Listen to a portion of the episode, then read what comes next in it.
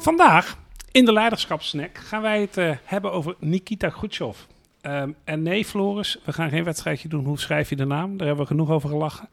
Um, maar uh, um, misschien eventjes schetsen in welk tijdsgevricht wij zitten. Begin jaren 50, 1953, overlijdt uh, Stalin, die natuurlijk uh, enkele tientallen jaren echt een waar schrikbewind over de Sovjet-Unie uh, heeft gevoerd. Ja. Um, wij zeiden ook al tegen elkaar, het is bijna onmogelijk als je alleen al naar de uh, 20e eeuw kijkt om te kijken wat was nou de meest vreselijke leider. Maar Stalin die doet daar aardig in mee, denken ja. wij. Ja. Um, en um, dat maakt de uitdaging waar wij het over gaan hebben voor Nikita Khrushchev, denk ik, ook een hele interessante straks. Want hij volgde hem uiteindelijk op. Ik denk dat we daar ook nog wel eventjes over gaan vertellen hoe dat ging. Um, want wat er gebeurt, uh, die neemt inderdaad, uh, wordt uiteindelijk um, uh, nou, de grote leider van de Sovjet-Unie. en um, dat gaat niet zonder slag of stoot. Hij heeft eerst natuurlijk wel wat af te rekenen um, met de andere pretendenten van deze, van deze troon, om het zo te noemen.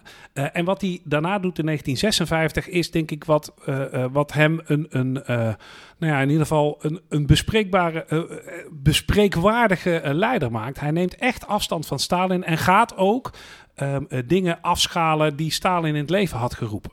Um, en dat is um, wel een dubbel verhaal. In de zin dat als je kijkt naar het bewind van Khrushchev zonder dat je zou kijken naar Stalin, dan is het nog steeds niet echt een hele, uh, was het nog steeds niet een hele fijne tijd om in de uh, Sovjet-Unie te wonen. Uh, en aan de andere kant zegt hij ook wel van ja, we moeten echt eens stoppen met die grote vervolgingen. En hij maakt ook echt, hij maakt het leven in de Sovjet-Unie echt een stuk menselijker. En durft ook eigenlijk voor het eerst openlijk afstand te nemen. Nou, zo openlijk gaat dat overigens in het begin niet, maar dat, dat horen we dan later. Neemt hij ook wel echt afstand van Stalin en probeert als het ware het communisme zoals zij dachten dat dat in een zuivere vorm goed uitgevoerd zou kunnen worden. Probeert hij wel een, een menselijker gezicht te geven, om het zo Ja. maar te zeggen. Ja, Khrushchev die kwam natuurlijk uh, inderdaad aan de macht in een tijd waarin uh, messen in de rug aan de orde van de dag uh, waren. Ja. Um, en ja, zo heb ik dat ook geleerd bij geschiedenis op de middelbare school. Eerst had je Stalin en daarna kwam Khrushchev. Maar um, ja, daar zat natuurlijk gewoon nog een paar maanden tussen. En Mhm. um, Ja.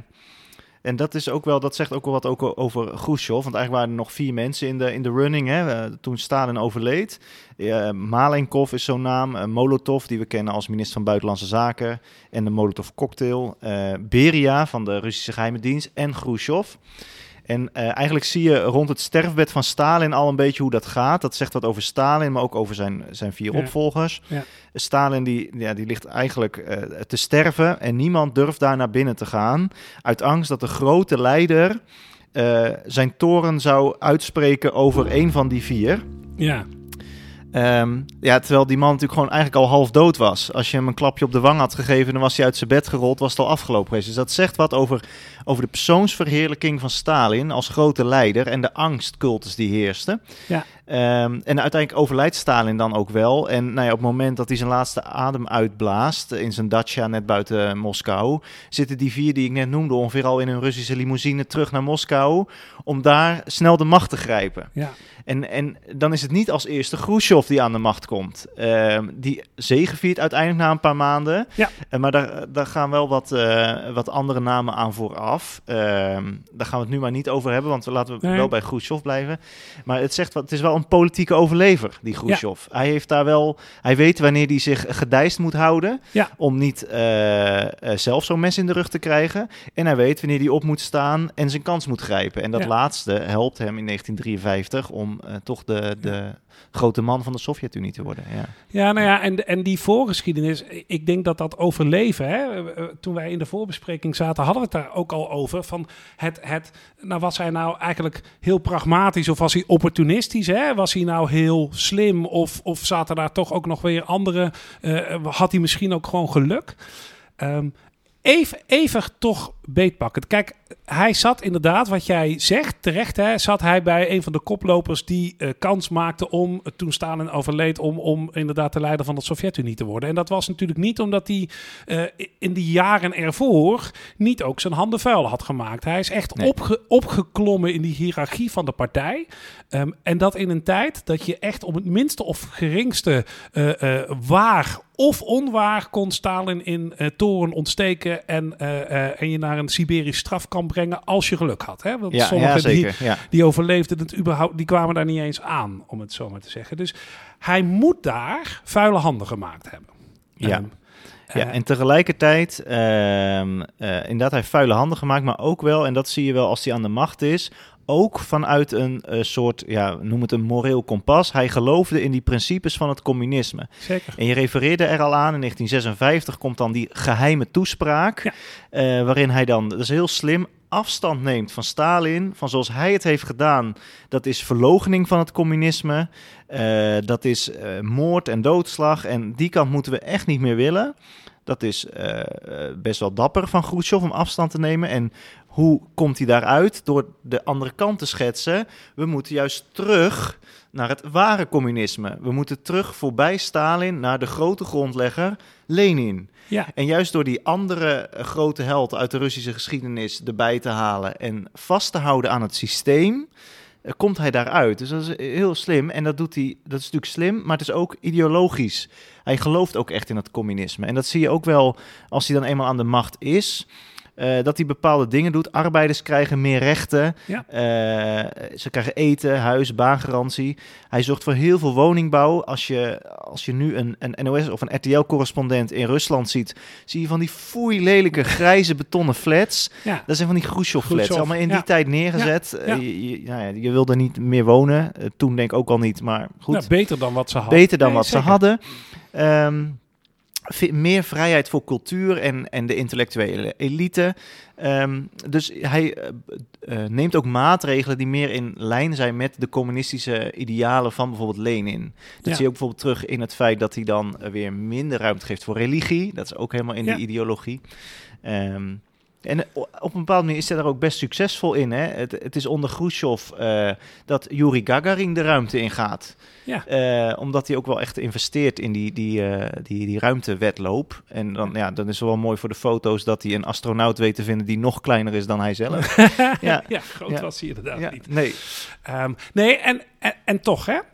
Want uh, dat is denk ik ook de grote vraag. En dan neem ik misschien al een klein afslagje naar van wat zou je daar nou uit kunnen leren. Omdat ik dat ook wel uh, soms wat lastig grijpbaar vind bij deze man. Uh, in de zin dat, dat je, um, wat jij nu beschrijft, dat klopt denk ik. Ik denk dat hij um, altijd wel heeft gedacht dat het anders zou moeten dan dat het onder Stalin ging. Hè? Um, Hoewel die in, uh, dat kan bijna niet anders, ook wel een soort van uh, tijdgeest heeft aangevoeld. Hè? Stalin ging dood en het moest ook wel een beetje anders. Maar ondertussen was de top van de partij echt nog wel nou, Stalinistisch. En met alle overtuigingen die daarbij hoorden. Dus hij wilde het anders. En zat toch in de top van die partij uh, terwijl het ging zoals het ging. Dus stel nou dat Stalin niet al in 53 was overleden, maar uh, er nog vijf of tien jaar aan had vastgeplakt, uh, dan had zijn moment ook zomaar eens voorbij kunnen gaan. Dus had hij zomaar uh, zijn kompas, nou ja, ik zou niet zeggen recht, want dat vind ik echt, nou, dat zou geen recht doen aan de situatie in de Sovjet-Unie, maar hij had het in ieder geval in onze ogen nu zuiverder staan dan Stalin het had. Um, maar daar had hij niks van bereikt als hij niet net op het juiste moment op de juiste plaats was geweest. Want nou, hij had niet bepaald een track record om voor 53 nou grote veranderingen door te voeren. En dat vind ik toch wel... Uh, dat is mooie stof tot nadenken voor mensen die zelf ook nou ja, uh, uh, zeg maar voor leiderschapsvragen staan. Wat is nou belangrijker? Je ja. juiste moment afwachten of eerder al... Uh, op het moment dat het misschien niet opportun is, ja. toch voor je principes ja, en gaan. het is, het is ook... Um, uh, het is niet zwart-wit, hè? Je hebt aan de ene kant de moral high ground... Um, ja. Van ik ga op een heuvel staan, oordelend over iedereen die een poging waagt om iets te doen. En dat ver veroordelend vanuit mijn morele principes. Ja. En aan de andere kant heb je mensen die met hun, uh, nou ja, eh, met hun poten in de klei überhaupt geen principes meer hebben als ze maar met die poten in de klei kunnen blijven staan hè, in Ja. een machtspositie. En daartussenin, op dat spectrum, moet je je bewegen. Ja. En inderdaad, van ja, de ene keer zal dat kwartje de ene kant opvallen van nou, dit gaat echt te ver voor mijn principes. Ja. En aan de andere kant heb je een moment dat je denkt, nou ja, als ik nu deze stap zet, die misschien niet helemaal strookt met wie ik ben, kan ik wel vervolgens Nog mijn idealen iets, be- iets meer bereiken. Ja. Ja. ik moest ook, eh, dat zei ik ook in het voorgesprek, ook bijvoorbeeld een beetje denken aan, aan Ab Klink. Mhm. 2010, hè, eh, de VVD eh, heeft net de verkiezingen gewonnen en Mark Rutte en eh, Maxime Verhagen gaan dan onderhandelen met de PVV van Geert Ja. Wilders. Ja. En Ab Klink is dan de, de rechterhand van Maxime Verhagen en die komt eigenlijk na twee, drie, misschien wel iets meer gesprekken met de PVV tot de conclusie met zo'n partij kan ik niet regeren. Nee. Ik kan dan niet mijzelf recht in de spiegel kijken. En dat is zo'n voorbeeld. Want wat doet hij? Hij trekt zich terug uit het onderhandelingsteam. Hij trekt zichzelf terug uit de CDA-fractie in de Tweede Kamer. Maar dat is zo'n voorbeeld waarbij het kwartje eigenlijk de andere kant op valt. Iemand die zegt van oké, misschien is mijn moment gekomen... maar ik kan mezelf niet in de spiegel kijken. Nee. En die, die trekt dus weer een andere conclusie. Ja, Ja, en, en, en eh, als, als je dan nog weer terugkijkt naar Nikita Khrushchev, die, die heeft die eh, beweging uiteindelijk nooit gemaakt. Hè? Die, heeft, nou ja, eh, die is steeds aan boord gebleven. En toen kwam het moment dat hij zijn stempel kon drukken en dat deed hij. En ja, ik vind het mooi dat je dat beschrijft als een continuum. En in die zin dus misschien dit keer geen tip voor mensen eh, in deze leiderschapssnack. Maar gewoon ook een overpeinzing van, joh, waar zit je nou zelf? En wat maakt nou eh, dat jij misschien eh, op het ene moment de ene kant op gaat en het andere moment de andere? ja en misschien kunnen, kunnen luisteraars ook wel in de comments reageren... hoe zij zelf wel eens met dit soort dingen worstelen. Ben ik wel benieuwd naar hoe ze dan een, een knoop doorhakken. Ja, dat is zeker leuk. Nou, dankjewel weer voor deze inkijk en voor deze snack.